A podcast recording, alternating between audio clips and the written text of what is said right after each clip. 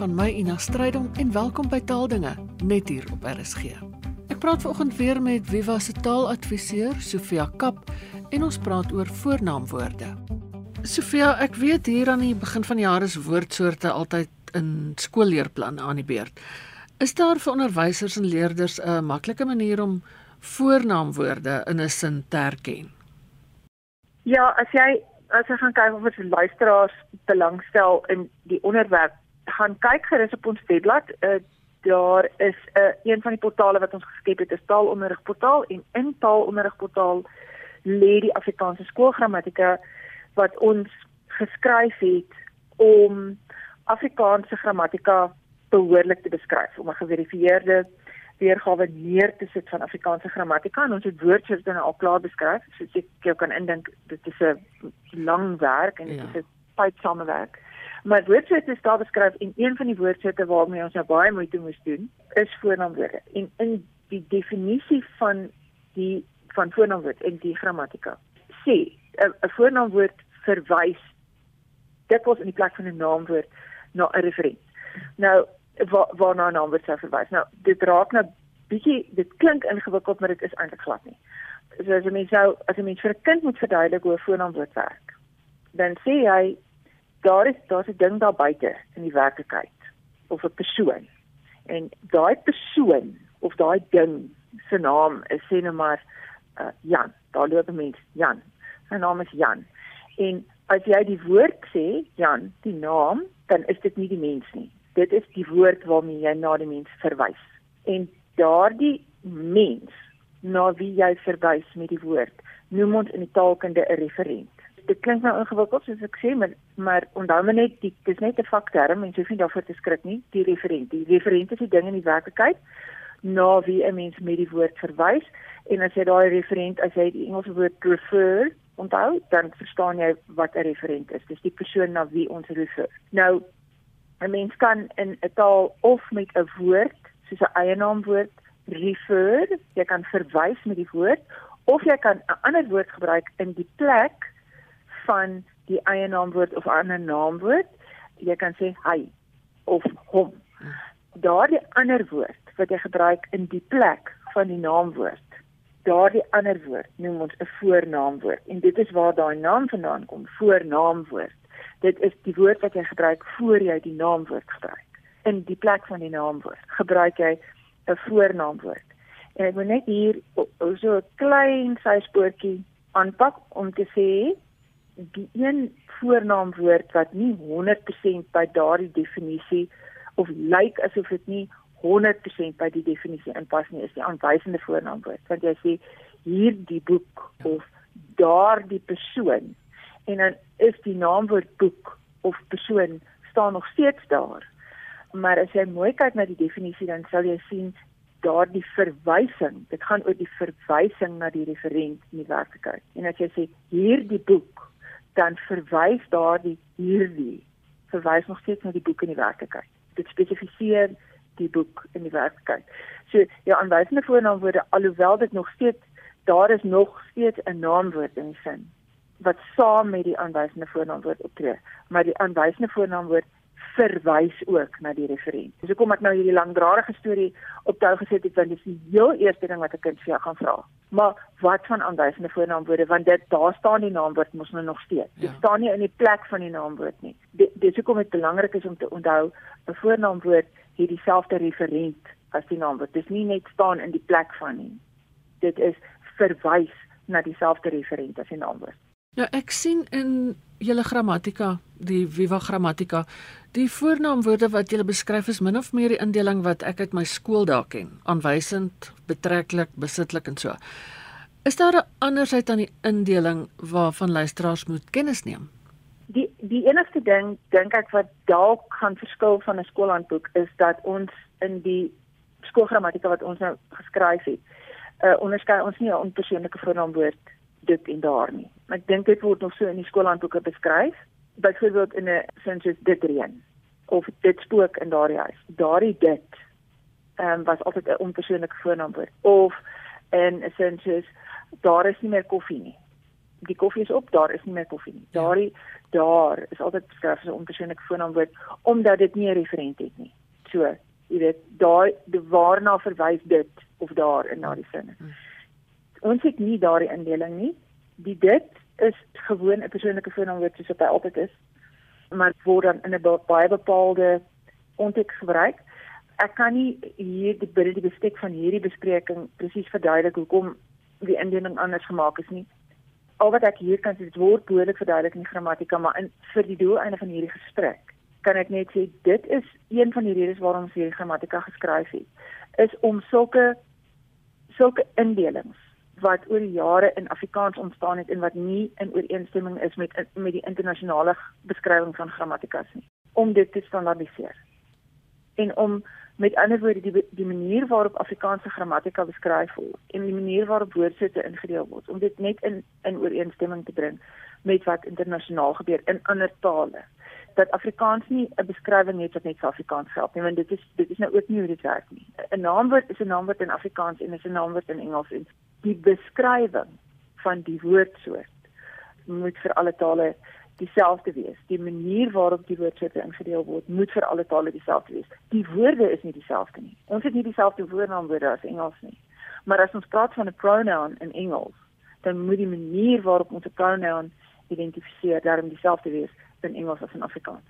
En dit is met ander woorde iets wat as jy as 'n onderwyser is, as jy hier luister en jy's 'n onderwyser of jy's 'n leerder wat 'n onderskeiding wil hê, moet jy bietjie deur hierdie afdeling in in die skoolgrammatika werk dat jy net seker word van wat die indeling is. Nou iemand vra my onlangs of 'n mens nog 'n persoonlike voornaamwoord hul mag gebruik. Nou my eerste reaksie is sommer om te sê nee want dit is vir my nog altyd 'n baie simpel woord. Maar mag 'n mens en wanneer gebruik 'n mens hulle en hul? Goed, kom kom ek gooi vir jou 'n vraag terug want want dit is nogal dis 'n ding wat ek baie hoor is dis 'n lelike woord mm. of dit is 'n aardige woord. Ek hou nie van hierdie woord nie. Jy het nou gesê dis 'n simpel woord. Ja. Op grond waarvan is die woord vir jou simpel? Jy weet watter watter kriterium het jy gebruik? Kriteria het jy gebruik om te om te besluit die woord is simpel. Wat maak die woord vir simpel? Ehm um, dis net vir my so lui. Hoekom nie hulle nie? Hoekom moet jy daai twee letters afkap? Uh met met ander woorde jy jy het hier 'n persoonlik jy het 'n persoonlike sê net maar 'n ingewande reaksie op hierdie woord. Ja. Jy jy hou nie nie van hierdie woord. Ja. Nou goed my my antwoord aan 'n gebruiker wat vir my sê dis 'n simpel woord of dit is nie jy weet ek hou nie van hierdie woord nie die woord is aaklig. 'n Woord is 'n ding wat bestaan uit klank en betekenis. Dis uh, jy weet hy kan nie goed of sleg wees nie. Hy is hy is bruikbaar of hy is onbruikbaar, maar 'n woord is net 'n woord. Die betekenis is baie keer aaklig en woorde word baie keer op 'n aardige manier ingespan of ja, jy weet mense gaan gryp sommer na 'n Engelse woord. Maar ja. die woord in in in sigself is nie is nie goed of sleg nie. Dis dis net dis net 'n ding met klank en betekenis. Die woord hul, die H U L voornaamwoord. Is 'n geldige Afrikaanse woord as opgeneem in woordeboeke. Hy het 'n betekenis, mens mag hom gebruik. Daar is taalpraktisyns wat sê dit is baie formeel. Die die oomblik as hy sê hul in plaas van hulle, as dit met ander woorde iets sê soos leerders moet hul boeke onthou, dan klink dit baie meer formeel as om te sê leerders moet hulle boeke onthou. En uh, my my vermoede, ek het nie 'n studie daarvan gemaak nie, maar my vermoede is dat hulle baie eerder in spreektaal gebruik word as hul. Ek weet nie van baie mense wat praat van hul nie. Ja. Maar in die skryftaal kom dit nog redelik voor. Jy mag dit gebruik, dis 100% korrek. Jy moet net maar vrede maak met die feit dat dit nie 'n simpel woord is nie. en dat gebruikers wat kies om dit te gebruik heeltemal reg is. Ek het so bietjie gaan krap daaroor en 'n blog geskryf oor hulle en hul dit lê op ons blogblad. Want ek het vermoed aanvanklik dat hul eintlik 'n besitlike voornaamwoord is eerder as 'n persoonlike voornaamwoord. Met ander woorde, jy, jy moet eerder sê hul boeke as wat jy dit in 'n persoonlike voornaamwoord sal gebruik. Ons praat met hul. Dit het vir my onnatuurlik geklink. Ja. Maar ek kon nie in die woordeboeke of in die korpus enige voorskrif op opspoor dat jy hul net as 'n besitlike voornaamwoord mag gebruik nie. Met ander woorde, daar is eintlik geen beperking in taalkundebronne en in taal taalnormeringsbronne op die gebruik van hul nie. Jy mag dit gebruik al wat ek kan byvoeg is ek vermoed dit maak die teks meer formeel en kyk mooi na waar jy dit aanwend en hoeveel keer jy dit in 'n teks aanwend. Want as dit 'n merker is vir 'n meer formele teks, hoe meer keer jy dit gebruik, hoe formeler gaan jou teks raak en soos met enige ander woord, pas op dat dit 'n dreuning word. Jy pas op dat jy dit te veel gebruik. Maar ek sou byvoorbeeld baie maklik sê hulle moet hul boeke bring. Eerder as hulle moet hulle boeke bring want dan daai hulle wat so langs mekaar in sin staan, begin my kla. So hul is jou simpel woord. Vir my is dit baie vir my is dit 'n is dit 'n nuttige woord om te keer dat 'n mens hulle in 'n teks oorbenut.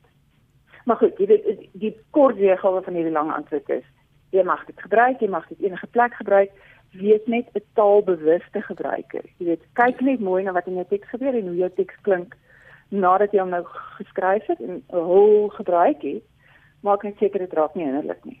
Ek sien by die betreklike voornaamwoorde jy onderskei net twee. Ek onthou daarom van skool daar af daar was meer. Wat het dan daar gebeur?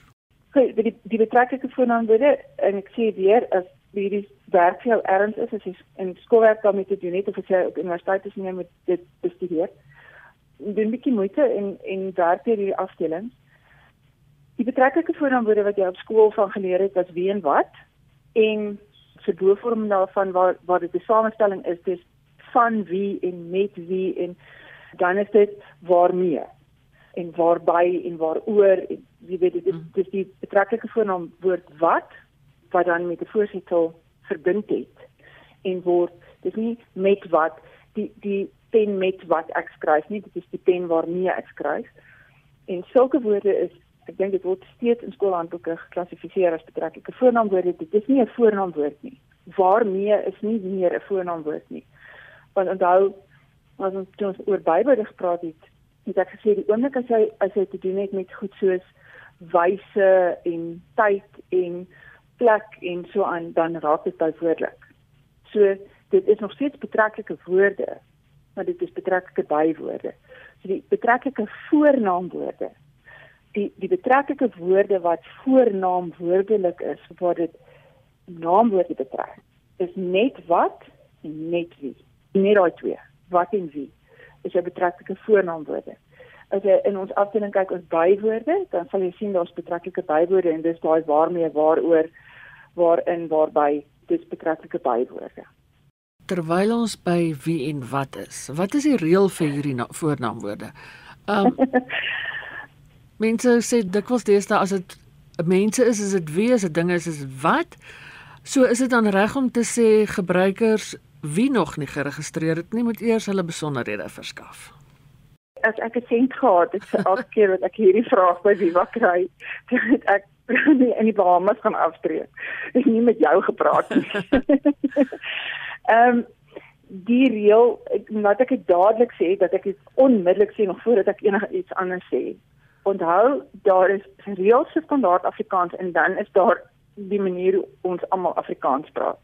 Jy kan jou aan hierdie reëls steur as jy wil. As jy nie jou aan die reël wil steur nie en jy wil Afrikaans praat soos wat jy Afrikaans wil praat, dan praat jy dit gerus net soos wat jy wil. Onthou net as jy op skool is en jy leer Afrikaans aan of jy's 'n onderwyser wat vir skoolkinders Afrikaans moet aanleer, die weergawe van Afrikaans wat 'n mens aanleer is die standaard taal. Dit is vir enige taal die geval. Ja. Die weergawe van die taal wat jy op skool aanleer is die standaardvorm. Neem dus kennis van die reël moenie bang wees om Afrikaans te praat omdat jy bang is jy gaan nou 'n fout maak nie. Maar as jy op skool is, neem kennis van die reël want jy gaan getoets word daaroor en dan moet jy weet wat die antwoord is. Hoe dit werk is 'n betrekkelike voornaamwoord betrek inligting uit die sin. Dis waar die naam vandaan kom. Jy sê die persoon wat my boek gevat het, daai wat verwys terug na die persoon. Dis ja. dis wat betrek word, dis die inligting vir in sin. Nou die reël vir Engels is as jy as daardie inligting wat betrek word, as dit menslik is, dan is dit who WHO. En onder invloed van Engels het dit in Afrikaans geword die persoon wie. En dit is met ander woorde eintlik 'n Engelse reël wat nou in Afrikaans toegepas word. Dit is dit is 'n klassieke voorbeeld van anglisisme. Want in Afrikaans is die reël die verstek betrekklik vir wat jy gebruik is wat. Jy gebruik wat vir mense en vir diere en vir dinge. Die man wat daar loop, die hond wat daar loop, die gebou wat daar staan. Dis met ander woorde wat vir almal. Wie gebruik jy net vir mense en saam met 'n voorsetsel of saam met die besitspartikel se. En dan word jy sê, ehm um, die persoon van wie ek jou vertel het of die persoon by wie of oor wie of met wie of langs wie of dan is dit voorsetsel plus wie of die persoon wie se boek weg is. Die enigste plek waar jy regtig eintlik uh wie gaan gebruik vir iets wat nou nie 'n mens is nie. Is as jy 'n troeteldier het, soos myne wat nou eintlik my kindertjies is, dan sal jy sê die hondjie wie se ma na soek, dit is gevind.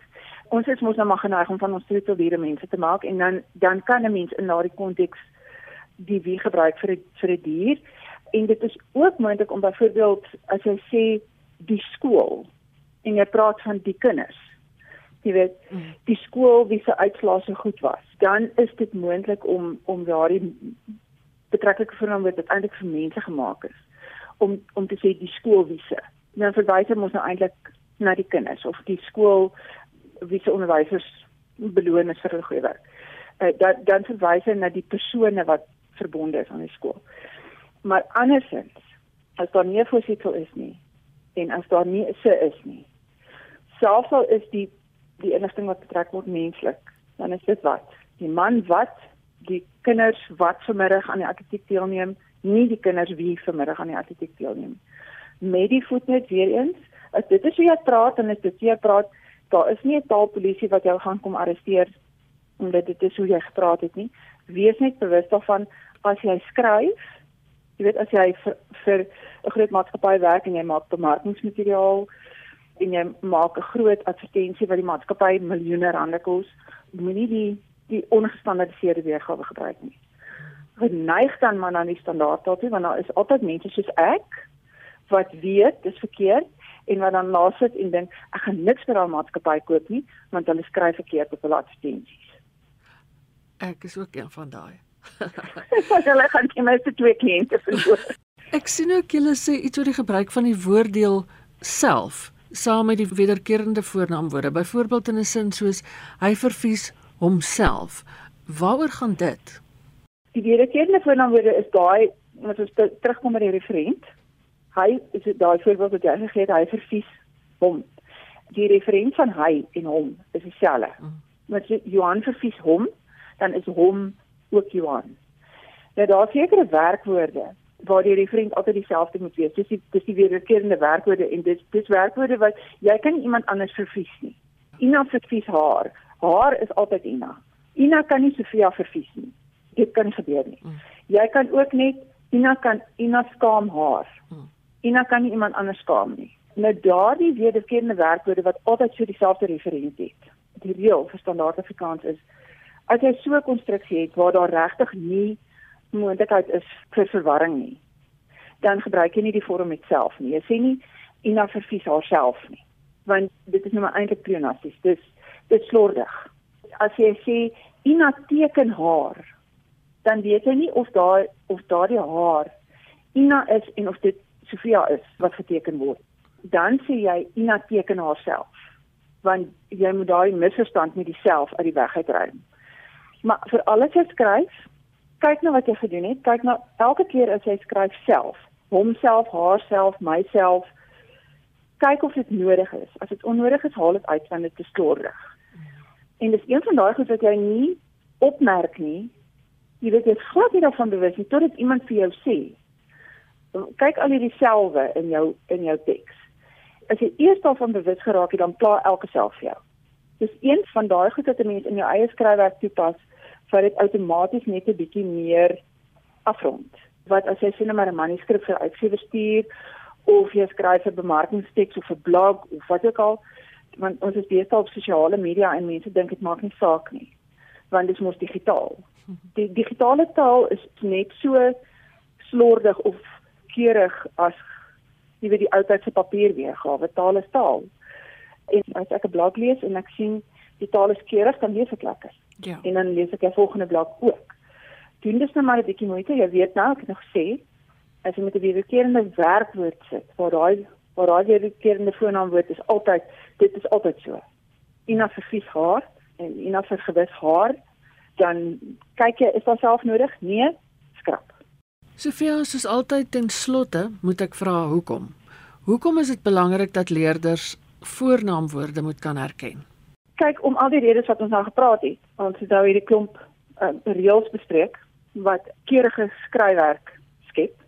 As jy die skrywer is, dan kan jy jou skryfwerk daarmee vaartbelyn maak. En om die gesprek te hê, vir my om 'n gesprek met jou te hê oor wanneer is wie en wanneer is wat, uh, moet jy weet dit is 'n betreklike voornaamwoord want jy moet weet daar's 'n ding wat betrek word en en daai ding is menslik of nie menslik en as jy nie eers weet dit is 'n voornaamwoord nie dan kan ons nie eers die gesprek hê oor die reël nie. Maar afgesien daarvan is voornaamwoorde gewoonlik die ding waarmee tweede taalsprekers die meeste sukkel. Dis een van die goed waarmee hulle geweldig baie sukkel. Ek het Duits op skool gehad en soos ek het op skool gehad en sien nie regtig verder daarmee gewerk nie. Maar soos ek nou staan, kan ek nog steeds nie vir jou sê wanneer is dit een en een en wie en do en ek kom daai voornaamwoorde net nooit bemeester nie. Nooit. En dit is omdat ek nooit 'n tabel gehad het waarvandaan ek die voornaamwoorde kon leer nie. Dit was 'n ding wat instinktief moes gebeur het, maar omdat ek nooit in Duitsland gepraat het nie, ek was nooit daar nie, weet ek nooit daar gewoon dat ek geassimileer geraak het met die bevolking en ek kon ek kon elke dag hoor hoe hoe dit gebruik word. Dit is 'n ding wat ek klinies moes aanleer in 'n baie statiese omgewing. So het ek dit net nooit bemeester nie. En ek het eintlik 'n tabel nodig gehad en dit nooit gehad nie.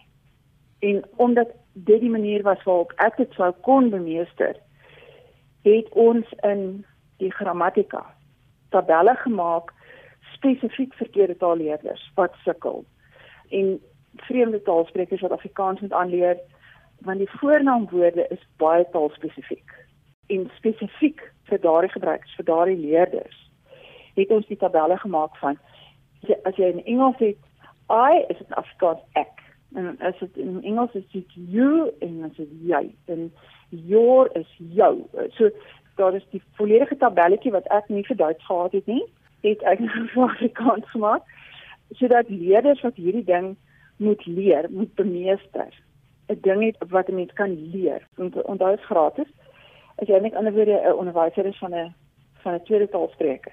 Dit klaar gemaak, dis daar neergesit. Maar dan moet jy weet dan moet die tweede taalspreker daarom weet dit is 'n pronoun. Ja. Of van ons daar praat, dit is 'n voornaamwoord. Uh, hier is jou tabel vir die voornaamwoorde in Afrikaans. Dit was Viva se taaladviseur Sofia Kap. Vir meer inligting, gaan na viva-afrikaans.org en dis ook groetheid. Geniet die res van die dag in RSG se geselskap. Bly veilig, bly gesond en van my Ina Strydom groete. Tot 'n volgende keer.